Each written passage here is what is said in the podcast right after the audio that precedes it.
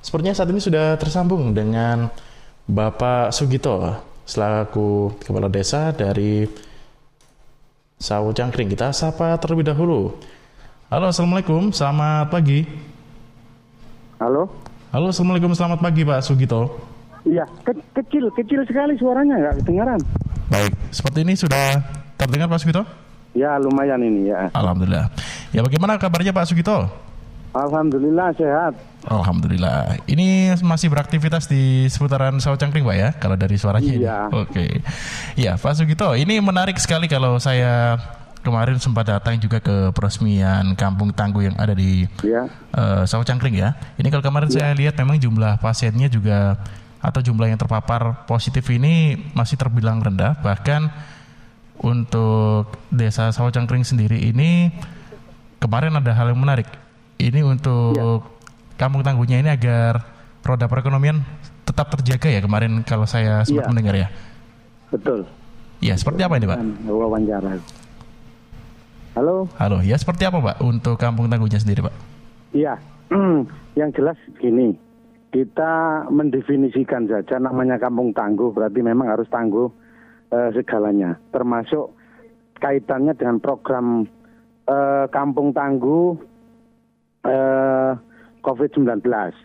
Berkaitan dengan itu, maka eh, motivasi kami yang namanya tangguh itu harus mampu segalanya. Dalam artian mengatasi eh, segalanya di dalam kampung ini. Seandainya eh, apa terkait dengan paparan virus yang barangkali terdampak banyak terdampak itu dengan dengan banyaknya UMKM yang ada ini kita gerakkan karena untuk kami kegotong royongan itu paling penting sehingga mereka-mereka yang mempunyai eh, apa UMKM dan yang senantiasa tidak tergantung dengan perusahaan atau bantuan dari pemerintah ini tergerak hatinya untuk membantu eh, warga kita yang terdampak itu.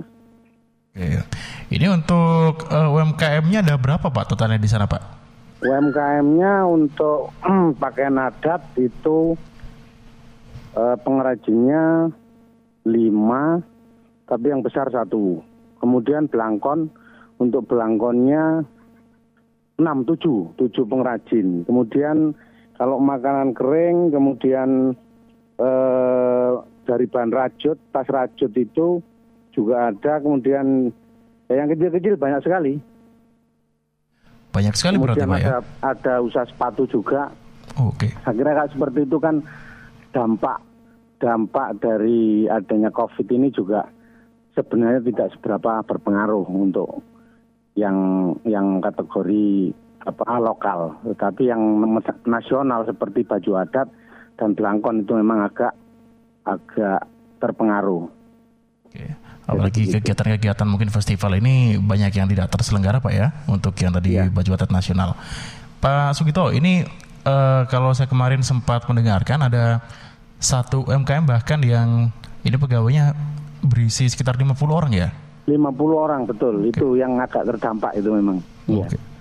Ini kemudian dalam eh, masa PSBB kemarin sampai dengan Kampung Tangguh saat ini aktivitasnya seperti apa Pak untuk teman-teman dari UMKM sendiri? Untuk yang ya, seperti yang saya sampaikan tadi, yang agak terpengaruh dan terdampak itu memang yang produk apa pakaian adat itu. Karena dengan adanya kondisi seperti ini kemudian sekolah-sekolah juga diliburkan kemarin yang mestinya eh, biasanya paling rame itu kan mendekati hari-hari pesan nasional. Itu pesanannya kan sampai eh, ya tergolong luar biasa lah paling rame. Nah, dengan kondisi sekarang sekolah pada diliburkan, ya secara otomatis itu berpengaruh.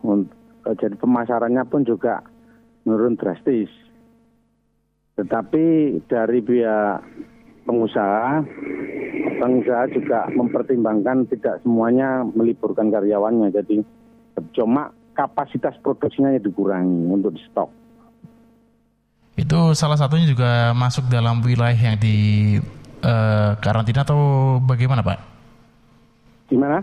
Untuk salah satu UMKM-nya itu ada yang masuk di wilayah yang mungkin dilakukan karantina atau seperti apa? Itu aktivitasnya juga sama, Pak? Halo? Gimana gimana? Untuk halo? salah halo, untuk salah satu ya. pengusaha atau UMKM ya. yang saat ini di hmm. Sawo Cangkring juga dilakukan kampung tangguh ini, apakah ya. aktivitasnya juga uh, tetap berjalan atau diliburkan sementara, Pak? Kalau yang tadi ya. lainnya kan ada yang tidak memproduksi terlebih dahulu, mungkin seperti ya, itu, Pak. Iya, iya. Seperti yang sampaikan tadi, karena bagaimanapun juga untuk UMKM terutama yang pakaian adat memang dampaknya luar biasa drastis tetapi mereka tetap produksi cuma kapasitasnya yang dikurangi untuk stok.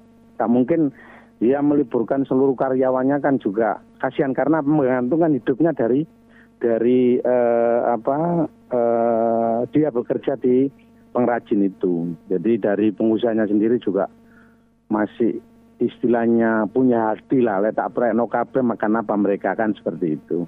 Iya baik, Pak. Kemudian untuk saat ini untuk warga sendiri, kemarin saya juga sempat melihat ini ada uh, makanan atau nasi bungkus yang juga disediakan untuk warga, Pak ya. Ini untuk uh, distributornya dari siapa, Pak? Halo? Halo? Iya. Ini untuk kemarin saya juga sempat melihat di beberapa hmm. media sosial di Sawo Cangkring ini juga sudah disediakan pangan untuk warga di sekitar Kampung Tangguh sendiri. Ini untuk kebutuhan pangannya dari siapa Pak yang menyediakan Pak? Termasuk untuk mensuplai di dapur umum atau yang mana itu? Ini yang kemarin saya lihat di jalan-jalan atau di ganggangnya, Pak ya? Oh ya.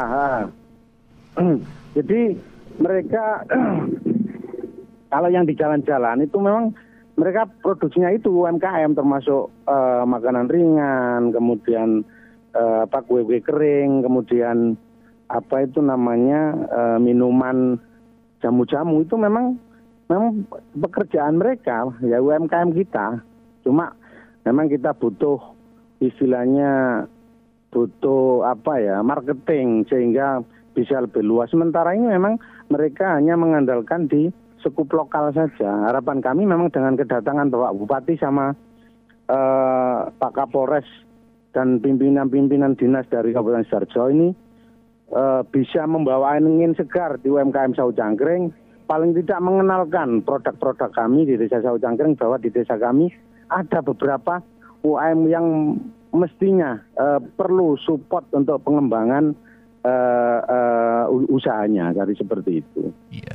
Jadi kemarin juga sempat diberikan bantuan juga ya untuk produk-produk UMKM-nya ini kepada warga-warga yang terdampak Pak ya. Kalau kemarin saya lihat ya. di media iya, sosial. Ya, uh, Oke.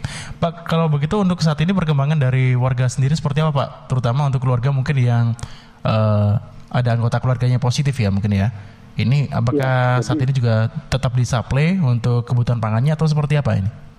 Ya, jadi untuk mereka yang kita karantina, baik yang karantina mandiri, ini jelas suplai pangannya dari dibantu dari pemerintahan desa juga dari eh, warga kita yang memang punya kepedulian dari donatur-donatur. Jadi kita intinya eh, persilakan barangkali memang berkenan membantu. Saya justru tambah senang kepada warga kita persilakan. Tapi yang pasti itu yang sudah kita karantina untuk makannya paling tidak untuk kebutuhan sehari-hari di dalam bahan pokoknya itu kami sebagai pemerintahan desa yang menanggung.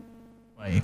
Jadi kita tidak akan mungkin membiarkan orang di karantina tidak boleh keluar, tidak bisa bekerja terus kita biarkan seperti itu. Jadi makanya kita bantu berupa bahan pokok, kemudian bahkan permintaan apa saja kita layani, termasuk mungkin membantu membelikan token, kemudian termasuk mungkin butuh air mineral, kita yang kita yang melayani. Jadi via via telepon kita dari teman-teman relawan kita gerak untuk uh, mendistribusikan yang uh, dibutuhkan dari orang-orang yang sudah kita karantina. Karena karantina itu perlu dan harus agar dampak dari uh, virus yang ada itu tidak sampai menyebar luas. Jadi seperti itu. Baik. Pak Sugito kalau begitu uh, terima kasih untuk waktunya Pak. Semoga nanti aktivitas juga tetap berjalan semestinya di Kampung Tangguh Sawo Cengkring ini. Kemudian untuk warga selalu bisa menjaga kekompakan ya. Karena ya positif Oke, tadi juga harus kembali selalu mendapatkan dukungan ini Pak. Kalau begitu terima kasih Pak Sugito atas waktunya. Assalamualaikum. Waalaikumsalam warahmatullahi wabarakatuh. Ya sahabat baru saja berbincang bersama dengan Bapak Sugito, Kepala Desa Sawo Cangkring ya.